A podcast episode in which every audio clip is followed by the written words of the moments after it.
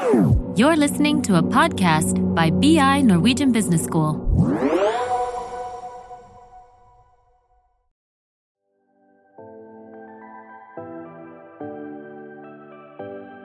Velkommen til Karrierepraten, en podkast for karriereinspirasjon og innsikt i arbeidslivet fra Handelshøyskolen BI. Og hvem er vel bedre til å gi oss den innsikten enn eh, våre alumnier? Så derfor er det en stor glede å ønske velkommen til Hege Jansson Skogen. Takk. Eh, Jeg tenker jo det at både for de som skal søke seg jobb eh, for første gang, eh, eller hvis man vurderer å skifte jobb som ung alumni, eller for oss, Ina, som er veldig nysgjerrig på hva som gjemmer seg bak eh, jobbtitler, så det er veldig hyggelig at du vil komme og hjelpe oss litt med det. Ja, det er veldig hyggelig å være her. Og jeg vet jo det at du er forretningsutvikler i Posten. Men kan du ikke gi oss en eh, liten introduksjon av deg selv? Jo, eh, burde kanskje starte med hva jeg gjorde her på BI, da, eller? Det kan du godt gjøre. Ja. Eh, eller jeg kan starte enda litt før det, for jeg hadde faktisk tenkt å bli sykepleier. Så jeg gikk et år på sykepleien, og så fant jeg veldig fort ut at det kanskje ikke var helt riktig. Um, så da gikk jeg, fullførte jeg året, og så begynte jeg på Jo, og så var jeg også litt sånn Jeg skulle aldri begynne på BI, i hvert fall. Det var liksom ikke, ikke på blokka. Nei. Eh, nei. jeg trodde ikke det var noe Ja. for meg, da, eh, av en eller annen grunn. Og så gikk jeg inn og så hva som var her. Eh, og så søkte jeg på bachelor i PR og kommunikasjonsledelse, som det het da. Eh, og så startet jeg på det. Mm.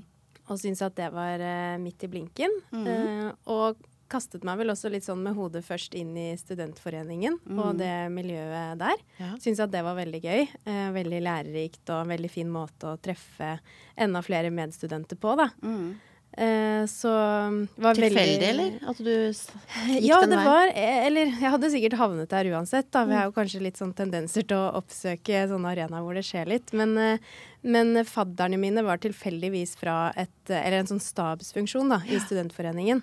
Så jeg havnet på en måte, Og den het kommunikasjonsavdelingen, da. Det var jo ikke helt tilfeldig i og med at jeg gikk på PR, men, eh, men det var jo litt tilfeldig. For det kunne jo bare liksom vært noen faddere som ikke var engasjert i studentforeningen og gikk året over, ikke sant. Mm. Eh, Så sånn sett var det jo litt tilfeldig. Og, mm, og da, det var jo bare en veldig fin gjeng. eh, Og de var jo selvfølgelig flinke til å rekruttere oss nye, så da eh, startet jeg der. eh, Uten å egentlig ha liksom noen klare forventninger om hva det var for noe. Og så ble det fort, eh, syns jeg det var veldig gøy, da. Mm. Så tok på meg flere oppgaver og flere verv og ja. Relevant, ikke sant, i forhold til studiene dine? Ja, Mm. mm, det var det. Spennende. Eh, ja, og så gikk jeg, eh, fullførte jeg den, bachelorgraden. Og da, innen jeg var ferdig med det, så tenkte jeg at jeg hadde lyst til å bredde meg litt grann mer. Ehm, for jeg hadde lyst til, jeg visste fortsatt ikke helt hva jeg hadde lyst til å drive med. Uh, så det føltes på en måte litt sånn Ja, jeg ønsket enda litt bredere, hva skal man si, eh, inngangsport til arbeidslivet. Så da gikk jeg videre på en master, da. Og da hadde jeg jo også jobbet her ved siden av studiene, så jeg kjente jo godt til uh, både innholdet og kvaliteten da, på mastergradene på BI. Så um, da ble det en mastergrad i Strategic Marketing Management eh, med utveksling i Milano. Mm. Så Mm. gøy. Ja, det var gøy. Mm.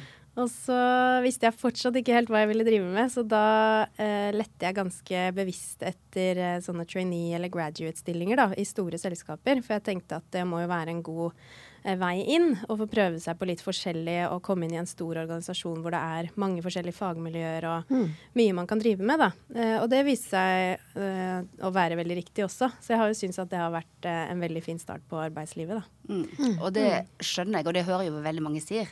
Det å være trainee og få lov å prøve seg i forskjellige avdelinger. Mm.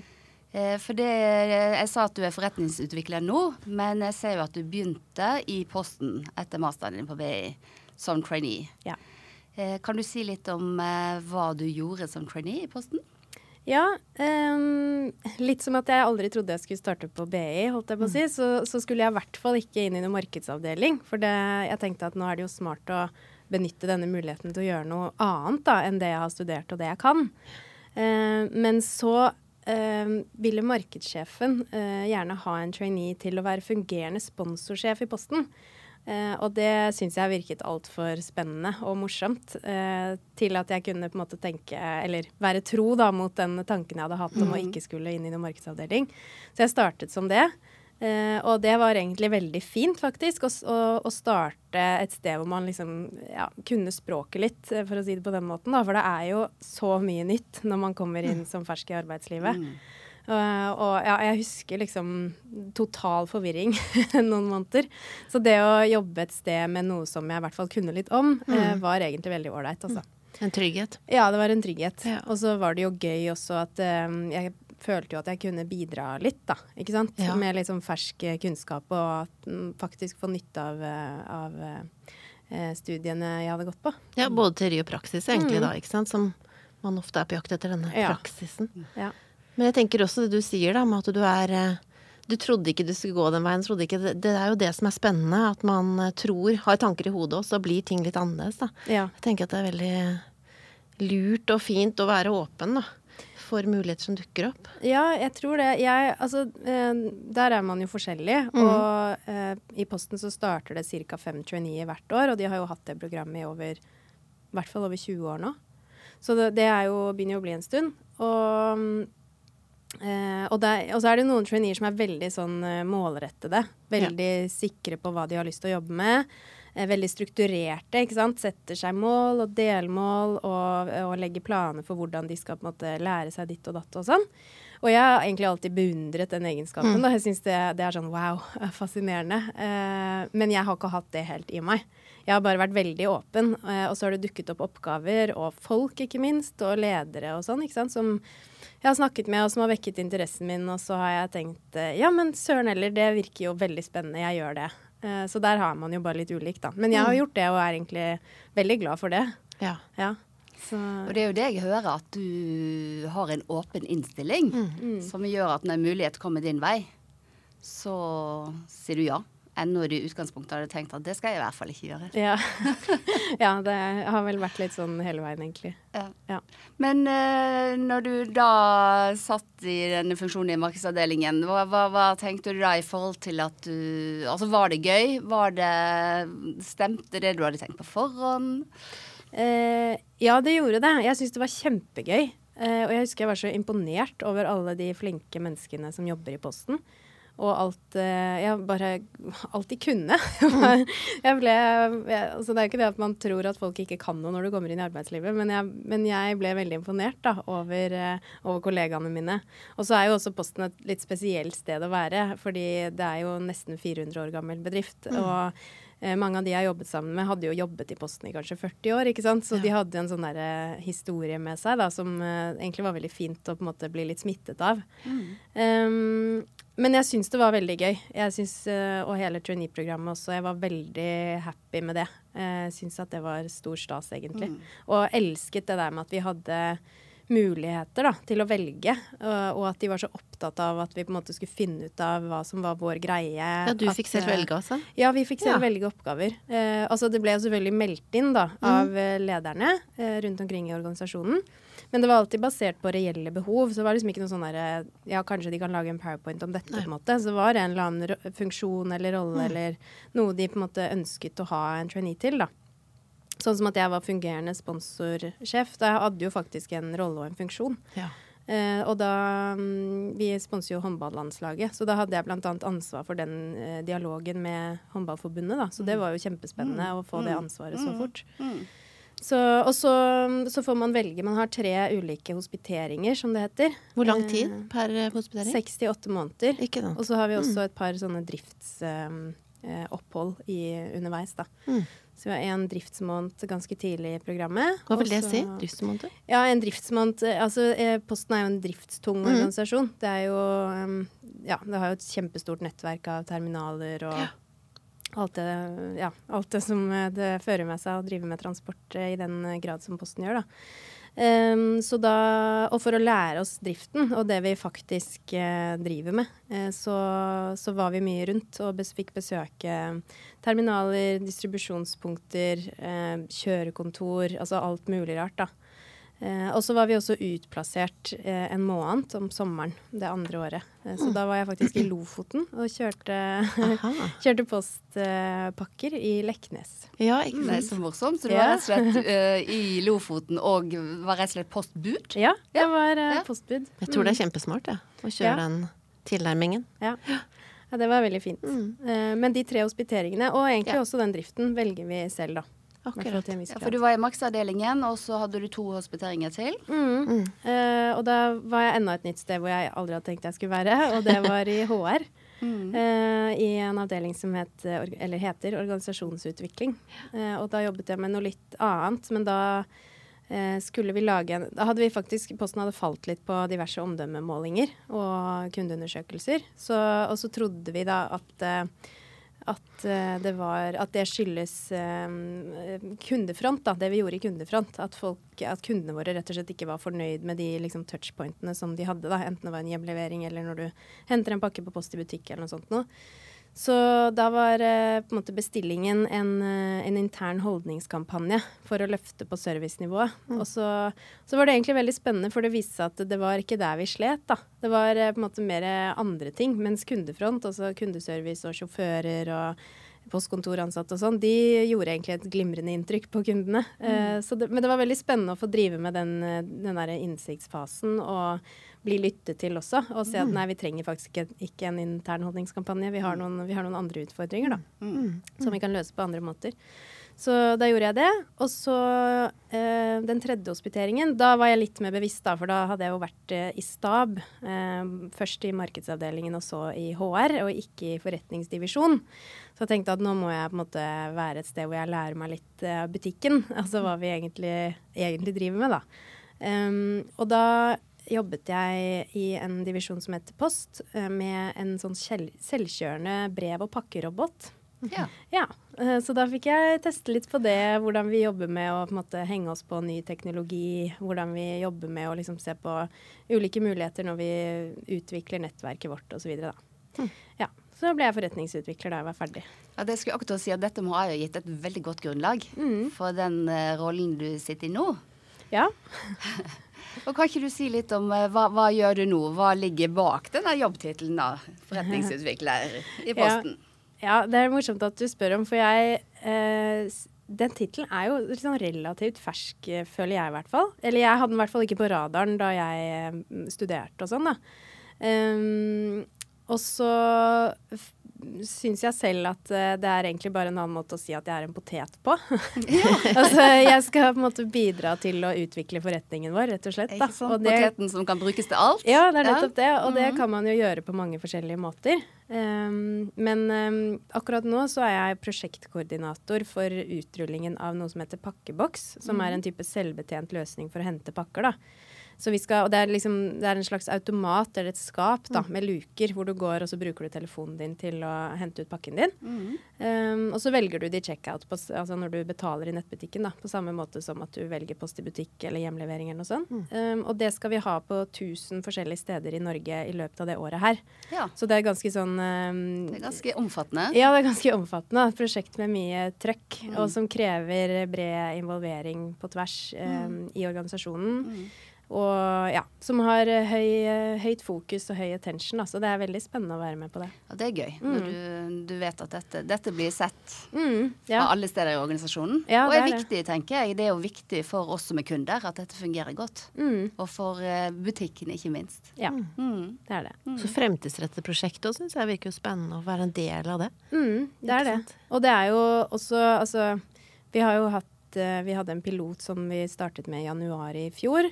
Um, så det er jo på en måte ikke helt uh, Vi satt ikke uten første i går, liksom. Men det er jo et nytt konsept for Posten, og det kommer til å bli en av de ja, kanskje viktigste bærebjelkene på en måte i B2C-markedet vårt fremover også, da, fordi folk ønsker jo på en måte å ha ha, ha ting bare enklere, mer tilgjengelig. Altså du vil bruke mindre tid på sånne oppgaver i hverdagen som f.eks. å hente en pakke. Da. Så pakkeboks blir jo veldig viktig for Posten fremover. Og da, da er det jo veldig spennende å være med på å liksom bygge opp noe helt nytt da, som kommer til å bli en stor del av virksomheten. Mm. Og hvordan jobber du med dette? Finnes det en typisk jobbdag, eller hvordan kan du liksom ta oss litt inn i, i jobben din, rett og slett, hva du gjør? Ja.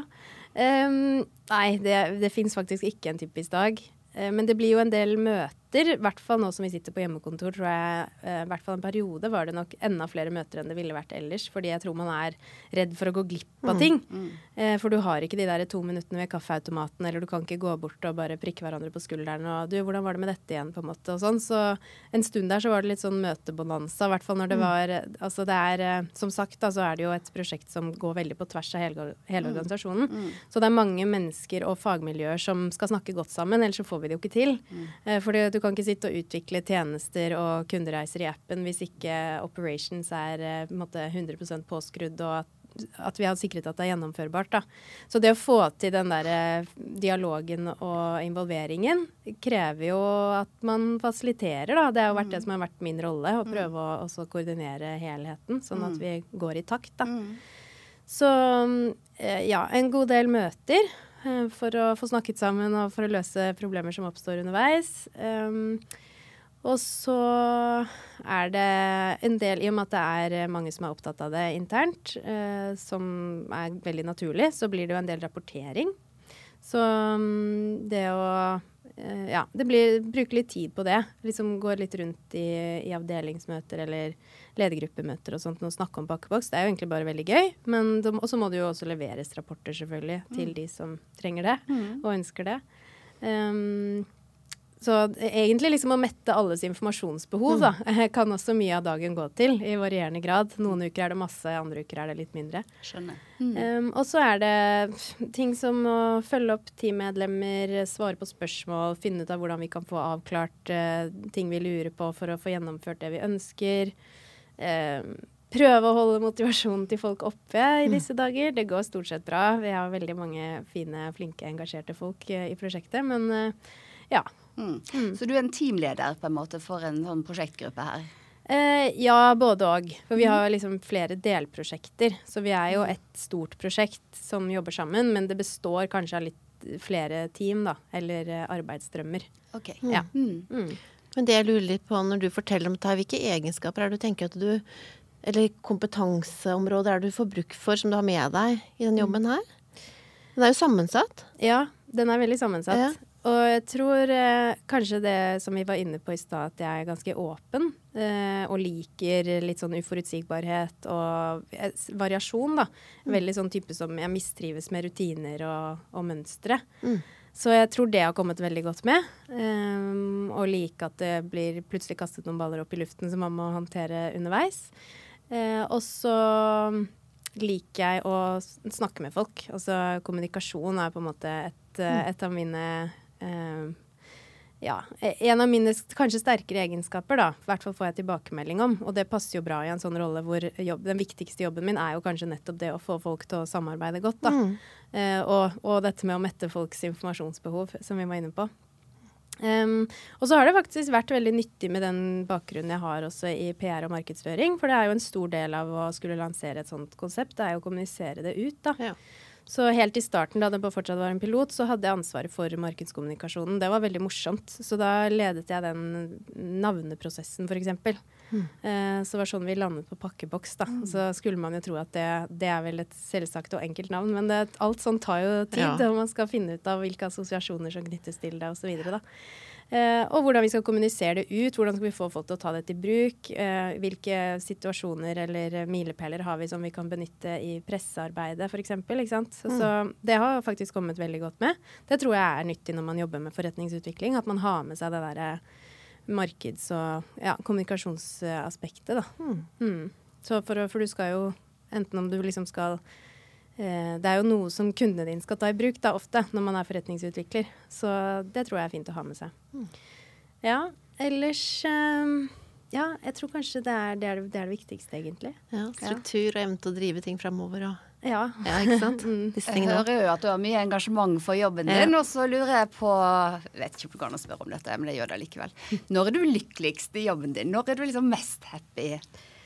Eh, jo, det er lov å spørre om. eh, det prøver jeg faktisk å tenke på også. Det Mm. syns jeg alle burde gjøre iblant. Når er det jeg egentlig har det best? Så kan jeg gjøre mer av det. Um, men jeg syns jo det nettopp egentlig det som jeg får drive med til tider nå, da. Det derre å løse ting sammen. Um, det kan være alt fra en, en, et nyttig møte hvor man har på en måte både løst noe som kanskje var litt vanskelig sammen, og også klart å skape litt god energi rundt det. da. Mm. Eh, for det kan jo fort bli omvendt også. Altså, at, jeg mener ikke at uh, folk er surmaga i posten, på ingen måte. Men man kan bli engasjert, man er kanskje stressa, har dårlig tid, og så er ting litt sånn vanskelig. Uh, så det der å klare å bidra til en sånn god Hva skal man si? God stemning. Mm. Eh, god kultur, egentlig. Mm. Og, og, klare å løse problemer og samarbeide. Det syns jeg er veldig gøy. Og det kan også være en, en hel dag med teambygging eller en workshop vi har eh, som fungerer bra, ikke sant? hvor man faktisk får noe ut av det. Um, så jeg liker jo veldig godt å jobbe sammen med folk. Uh, jeg syns ikke det er Altså en dag uten å snakke med folk er helt uh, åh, det syns jeg er helt pyton. En mislykket dag? Ja, det er en, det er en fæl dag. ja. Uh, nei, så Og så er det jo selvfølgelig å oppnå resultater, da. Jeg syns jo det er veldig gøy når man får til ting. Mm. det handler jo ikke bare om å sitte rundt et bord og ha det hyggelig heller. det er jo veldig kult når man klarer det man lykkes med det man skal, da. Mm. Mm. Så ja. Det høres bra ut. Det er veldig sammenfallende, tenker jeg, med den rollen du har beskrevet for oss. ikke sant? Så det, mm. det, jeg skjønner at du har engasjement for jobben din, og at du passer, passer der du sitter. Jo, takk. Eh, og så lurer jeg jo litt på Du var jo innom det innledningsvis. Vi vet du har en eh, bachelor for en master for du har vært innom Studentforeningen. Eh, for andre som tenker at eh, å, Hege hun har jo en fantastisk jobb, eh, det kunne jeg tenke meg også. Hva, hva var det som gjorde at du var attraktiv for den stillingen, tenker du? Altså, det er jo på en måte det grunnleggende, da, hvis man vil ha en jobb som også mange andre vil ha, og er nyutdannet, så må du jo ha et visst nivå på karaktersnittet. Og så er det jo veldig mange arbeidsgivere som etterspør verv og engasjement, da. Eh, og jobb ved siden av studier, kanskje. Så en del sånne ting burde jo kanskje være på plass uansett. Men utover det så eh, så tror jeg at Posten likte hvorfor jeg var interessert i stillingen. De syntes at det var riktige grunner. Mm. Så motivasjonen din, rett og slett? Ja, øh, jeg tror faktisk det. Og det var øh, Det var jo litt det at øh, Nei, at, var, at det kom jo frem at jeg var åpen for nye utfordringer og hadde veldig lyst til å prøve nye ting og sånt noe. det var jo noe de Det syntes de var positivt. Ettersom det er, det, er jo, det er, jo, nettopp det de ønsker. De vil jo at man skal være åpen og prøve seg på forskjellige ting og ta utfordringer osv. Og så tror jeg også de likte at um, Ja, nå, nå tror og syns jeg, da. Uh, men uh, jeg var jo også ganske tydelig på at jeg likte så godt at eh, Posten ikke bare er en stor og spennende organisasjon, eh, men også er en viktig samfunnsaktør, egentlig, da, eller har et viktig oppdrag. Mm. Jeg syns det var meningsfylt, mm. um, og hadde lyst til å bidra til det. Eller liksom å videreutvikle Postens tilbud, mm. fordi det er jo viktig for folk. Um, og ja, hva mer skal jeg si, da? Ja? Det var vel egentlig måte, det som kanskje fikk meg inn på en rekrutteringsdag. Mm. Og, for det var sånn det, det var um, Prosessen så sånn ut. Altså det var en mm. søknad. Mm. Og da stilte de faktisk noen konkrete spørsmål i den søknadslinken uh, som de hadde. Uh, og så um, var det en rekrutteringsdag, og da var det noen evnetester og mm. noen sånne gruppecaser. Um, og så kom jeg videre til intervju basert på det, da. Uh, og det som jeg syns var så fint etter at jeg var ferdig med intervjurunden, var at jeg tenkte at uh, hvis jeg ikke får jobben nå, eller hvis jeg får den for den saks skyld, så, så, er det liksom fint eller greit eller bra uansett, fordi de vet virkelig hvem jeg er, da. Så hvis de ansetter meg nå, så er det fordi de vil ha meg. Og hvis mm. ikke, så er det fordi noen andre passet mm. bedre, og det er liksom helt fair. Så jeg syns det var en veldig fin rekrutteringsprosess. Mm. Det var litt off topic, men, eh, men det var veldig grundig, da. Så jeg, det er noe ja, det er på en måte å komme seg på intervju og så ja, kunne mm. vise til en Jeg syns jo ikke det er off topic i det hele tatt. fordi vi, eh, vi, er jo veldig opptatt av at man også skal vurdere det Ikke bare at man skal selge seg inn, men at man også skal vurdere er dette et riktig sted å, å jobbe for meg. Mm. Men ellers så tenkte jeg på det du sier, fordi at uh, du nevner jo bl.a. dette med motivasjon mm. for jobben. Du hadde mm. satt deg inn i hva de sto for. Du hadde satt deg inn i verdiene som de hadde, og de var samsvarende med dine verdier. Mm. Og det er jo noe vi hører, Ina, ikke sant? når vi Mm. snakker med bedrifter og rekrutterer rundt omkring.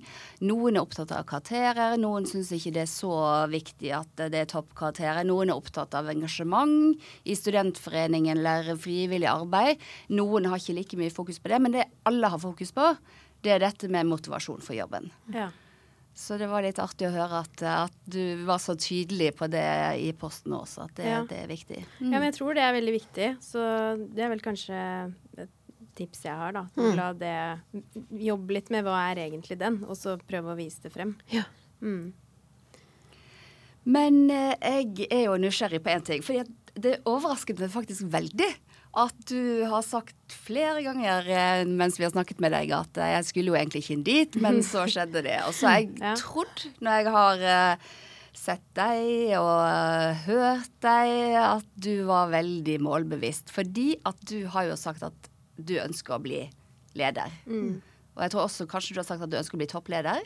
Mm, ja, jeg ønsker i hvert fall å bli leder. Å bli leder. Ja. Eh, og det syns jeg er så kult at du går ut og sier. Eh, og det er jo veldig mange som ønsker det. Kanskje ikke alle sier det høyt. Mm. Men så ble jeg da så nysgjerrig når du så mange ganger sier at dette eh, Jeg skulle jo egentlig ikke dit, men som skjedde det. Mm. Kan ikke du dra oss litt igjennom. Eh, ønsker ditt om å bli leder, da? Er jeg nysgjerrig på. Ja, og jeg skjønner jo hvorfor du lurer på det. For det jeg høres jo sikkert litt helt uh, målløs ut, holdt jeg på å si, når jeg forklarer litt om reisen i posten. Men uh, en av de tingene som jeg fant ut ganske tidlig, var jo at jeg har lyst til å bli leder. uh, men men det, det er bare det, er liksom, det, har, det har ikke vært det som har styrt meg når jeg har valgt oppgaver. Da, så det er kanskje derfor jeg ikke snakker om det i den sammenhengen. For jeg har jo bare tenkt at jeg vil lære mest mulig, og det er uansett langt frem i tid, på en måte. Og jeg vet ikke hva jeg vil være leder innen. Og, ikke sant? Man må jo uansett bygge seg opp en kompetanse og en, en profil da, um, som gjør at man kan være en ressurs i en lederjobb. Så derfor så har ikke det Jeg har på en måte ikke jagd etter det. Uh, det er derfor det heller ikke kommer frem, da. Men em, Nei, det, det kom fra at jeg ser at eh, ledere har igjen denne åpenheten og varierte Eller hangen til variasjon, da. Har jo veldig varierte hverdager. De har jo veldig mange oppgaver. De må jo forholde seg til mange mennesker og, og mye som skjer. Og så liker jeg veldig godt å ha ansvar. Har alltid gjort det. Mm. det virker helt naturlig for meg å, å ta på meg ansvar. Eh, så det har vært eh, noe. Og så, er det også, det kan jeg også være helt ærlig om, det er kanskje derfor også mange kvier seg litt for å si de vil bli ledere, men jeg har veldig lyst til å være der hvor beslutningene blir tatt. Og ikke fordi det er så viktig for meg å bestemme, men jeg syns at det er spennende. Å sitte der og veie opp og frem og for og imot og høre folks synspunkter og på en måte sitte i det rommet hvor disse tingene kommer frem, og hvor man eh, faktisk lander på veien videre da, for organisasjonen eller avdelingen eller hva det nå skulle være, eh, det har jeg lyst til. Mm. Eh, Jeg har lyst til å være med på å påvirke. Um, det er et ønske jeg har, og da, da må man være leder. Og så er jo kanskje det aller viktigste er jo dette med at jeg liker så godt å jobbe sammen med mennesker.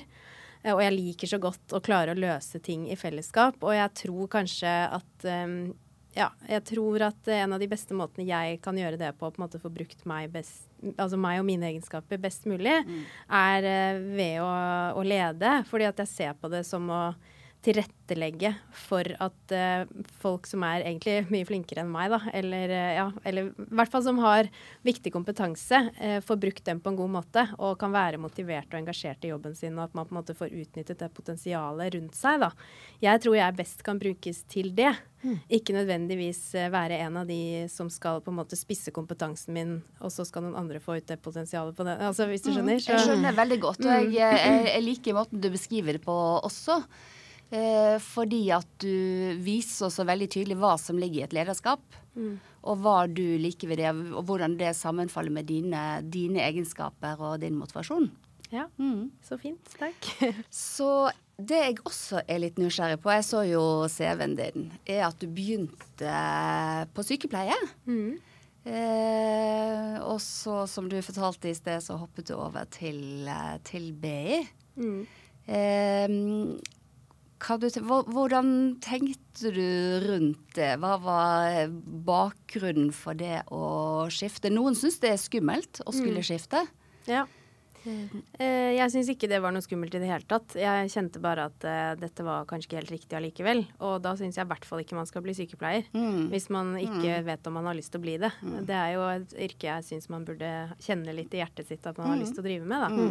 Eh, og så og det var det så enkelt som at eh, jeg gikk inn i det eh, fordi Ja, på et, på, på et grunnlag da, av at jeg trodde at jeg kom til å trives godt med det fordi sånn og sånn og sånn. Jeg hadde jobbet på et sykehjem som jeg likte veldig godt, og litt sånn forskjellig. Og så var det bare litt annerledes enn det jeg tenkte at det var. Og det var liksom Ja, det var ting som bare gjorde at jeg kjente at det her var ikke riktig. Og da jeg syns faktisk det var veldig enkelt å bare innse at nei, dette skal jeg ikke gjøre. Men eh, jeg fullførte jo også det året, da. Selv om jeg Jeg tror ikke det tok mer enn et par måneder eller noe sånt før jeg hadde bestemt meg for at jeg ville bytte. Men jeg fullførte året, for jeg tenkte jeg får ikke gjort så veldig mye annet fornuftig uansett. Eh, og jeg, det ser vel kanskje ikke så bra ut å ha hoppet av et studie kontra å faktisk ha fullført et år, selv om man visste at det var feil.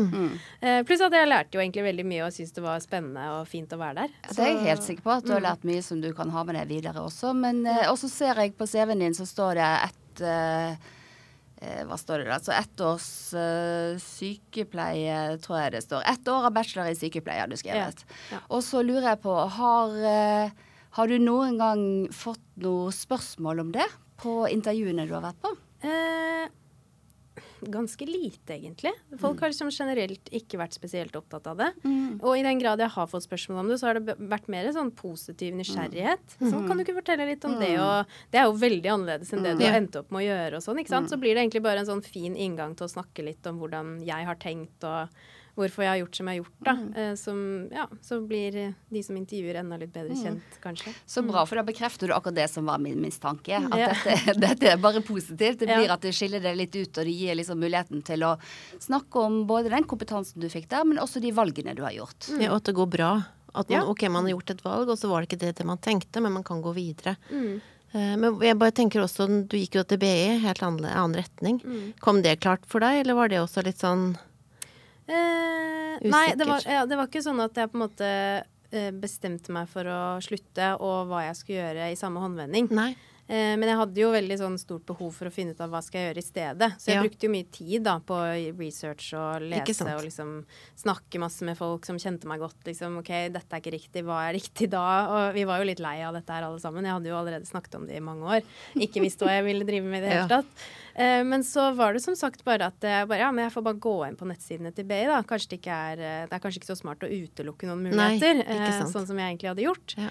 Og så visste ikke jeg at BI hadde PR f.eks. og markedskommunikasjon og de fagene som, eller de studieretningene som BI tilbyr. da. Jeg trodde det bare var økonomi og finans. Ikke sant? Så fint du deler akkurat det. For jeg tenker, når man er litt stressa da, og usikker, så tror jeg man lukker seg kanskje mer. Da, og da er det Ja. fint du sier man åpner seg, sjekk, rundt. Snakk med folk rundt deg. Ja, Og det skjer ganske ofte akkurat dette her at man ikke vet. ja, og må prøve å finne ut av ting. ja. Mm. Nei, men bare vær åpen. Gå og les på nettsider, kanskje snakke litt med folk. Og hva er det egentlig liksom, denne studieretningen dreier seg om, på en måte? Hva er jobbmulighetene? Ja, Ja, litt sånn forskjellig. bra. Men Hege, én ting til som vi har lyst til å snakke med deg om, og det er jo dette med mentor. Ja. Fordi at jeg vet at du har mentor, og du har eh, vært mentor, eller omvendt mentor. Mm. Eh, hva er det som gjør Jeg antar at du syns mentor er viktig. ja. ja, det syns Så, jeg. eh, og hvorfor syns du dette med mentor er viktig? Um, nei, det blir jo litt tilbake til den eh, kanskje åpenheten, da, og lysten, om å læ lysten til å lære.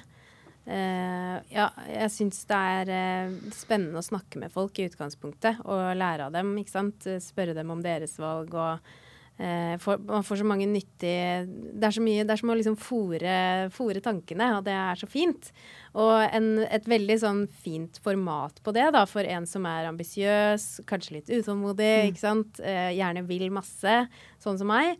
Eh, Så er det jo veldig fint å kunne snakke med eh, nettopp en mentor som er litt mer erfaren, kanskje har gått den samme veien som det du har lyst til å gjøre, som kan liksom guide litt når man står litt fast, eller det er noen situasjoner som er vanskelig, eller litt sånn burde jeg velge A eller B, litt sånne type ting, da. Og så er det noe med den Altså, jeg har også mange mennesker i både familien og blant vennene mine og sånt, noe som jeg også på en måte bruker litt som mentor en gang iblant, men da er jo det en annen relasjon. Og den blir jo også liksom farget litt av, av liksom, ja, det, de, det andre tingene de vet om meg, f.eks. Mm. Og sånn, ikke sant? På godt og vondt, da. Mens en mentorrelasjon er jo på en måte mer litt sånn ren, uh, handler om uh, jobb og hvem man er på jobb og hva man ønsker seg osv. Så, videre. mm. så det er en veldig sånn fin ramme eh, for å utvikle seg, egentlig. Mm. Og så er det jo Anita Krohn Traaseth som er din eh, mentor, det vet vi. For dere har en fantastisk podkastrekke på dette og de, deler med andre også, så andre også får glede av det. Mm. Men hvorfor ble det Anita? Hvordan gikk det til? Eh, åh, det Jeg hadde snakket Jeg møtte Anita for eh, nå er det tre og et halvt år siden. Rett etter jeg startet i Posten.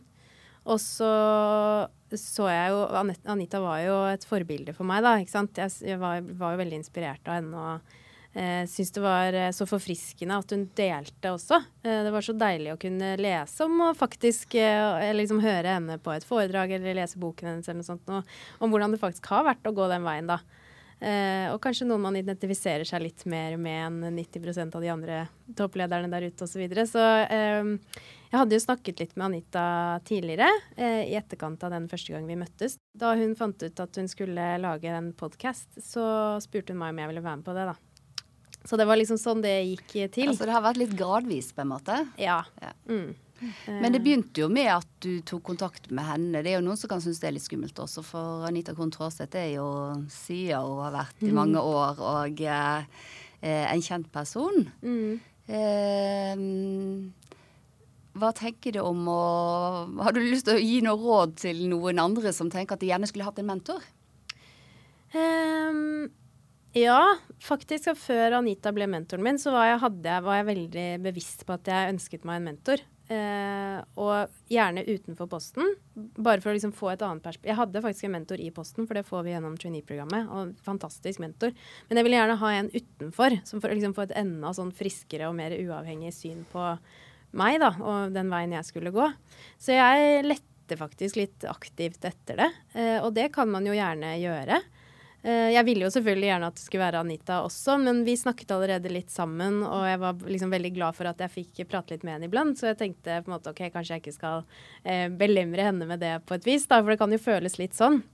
Hvordan lette du? Hva mente du med det? Nei, jeg, Eller lett og lette, da. Jeg var eh, ikke sant? Hvis man bruker litt tid på LinkedIn iblant ja. og hører litt foredrag her og der, kanskje leser en artikkel om en spennende profil i DN eller et eller annet, da Eh, så tenkte jeg liksom over sånn Oi, så kult. Og så kanskje jeg sjekket vedkommendes bakgrunn. Lurte litt på liksom hva, hva, er, dette, hva er, det denne personen har gjort, og uh, Ja. Altså jeg var på en måte bare hadde det litt på radaren. Um, og så spurte jo Anita om vi skulle lage podkast sammen, og da ja. slapp jeg å lete lenger. Lykketreff, da. Ja, veldig. Sånn sett. Ja, så. Men jeg tenker også at uh, hvis man skal ha seg mentor, så kan det mange, være mange som ikke vet hva skal jeg snakke om, hvordan skal jeg Hadde du et fra Posten et opplegg som du fulgte, eller eh, har du selv funnet på ting du ønsker å snakke om? Nei, det har vel, eh, det har vel egentlig funnet på selv, ja. Mm. Også, og samme med de mentorrelasjonene som fantes i trainee-programmet så var det også veldig individuelt, egentlig. Altså noen på en måte par da, var superstrukturerte og hadde en sånn arbeidssession hver måned på tre timer, hvor de liksom gikk gjennom uh, målene til, til traineen og hva det liksom vedkommende gjort for å nå dem og ikke.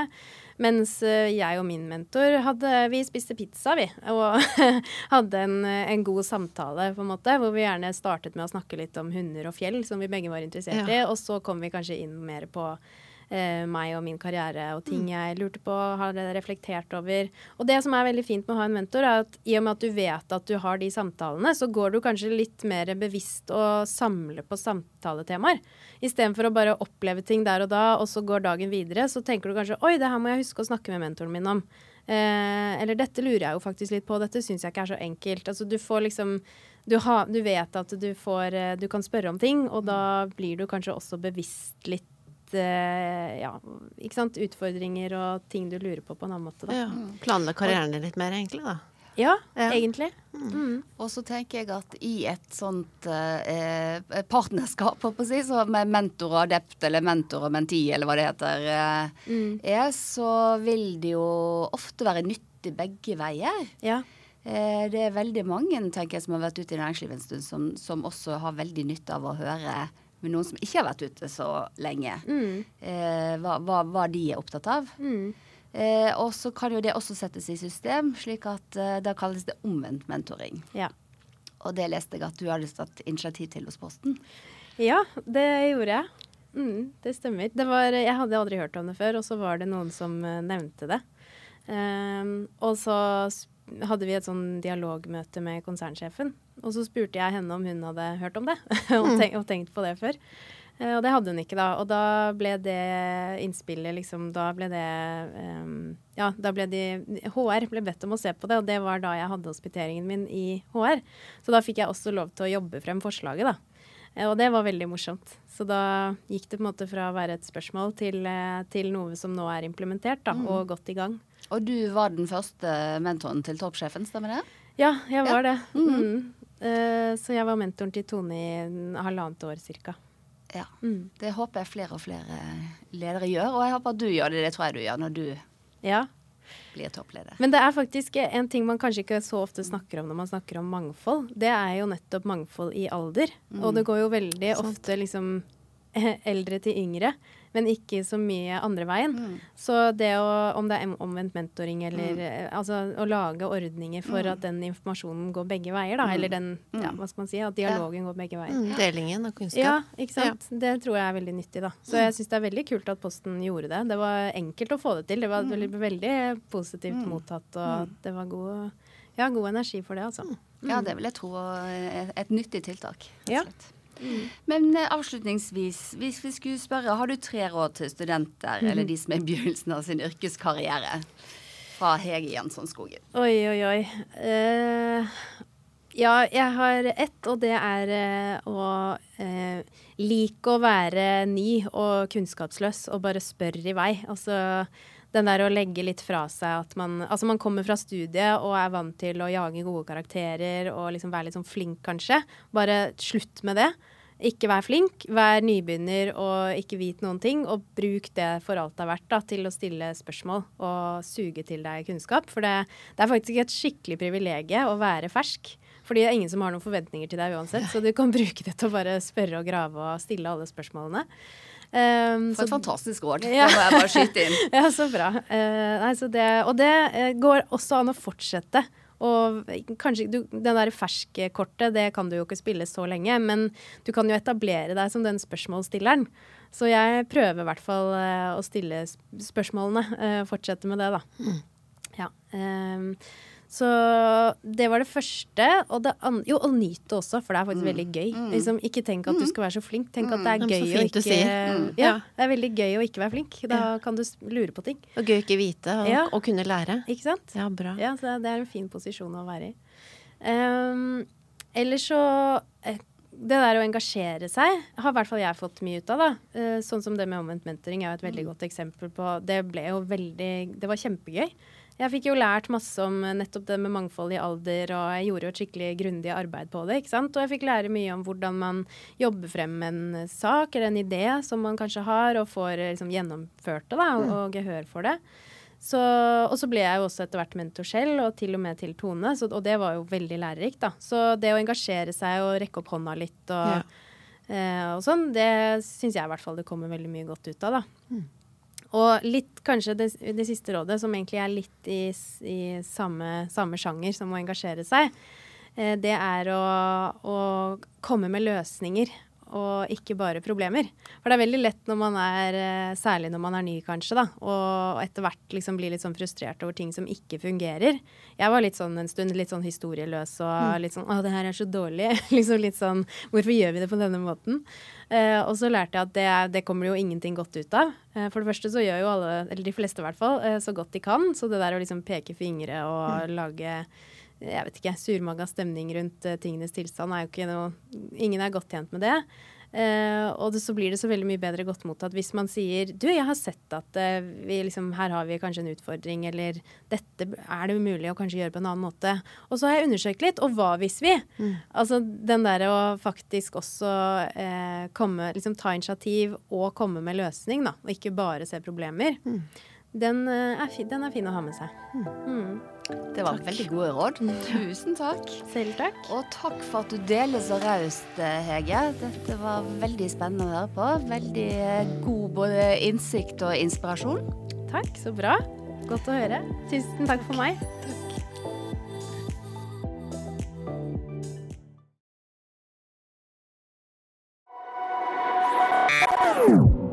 This is a BI production. Listen to more podcasts. Go to bi.no slash podcasts.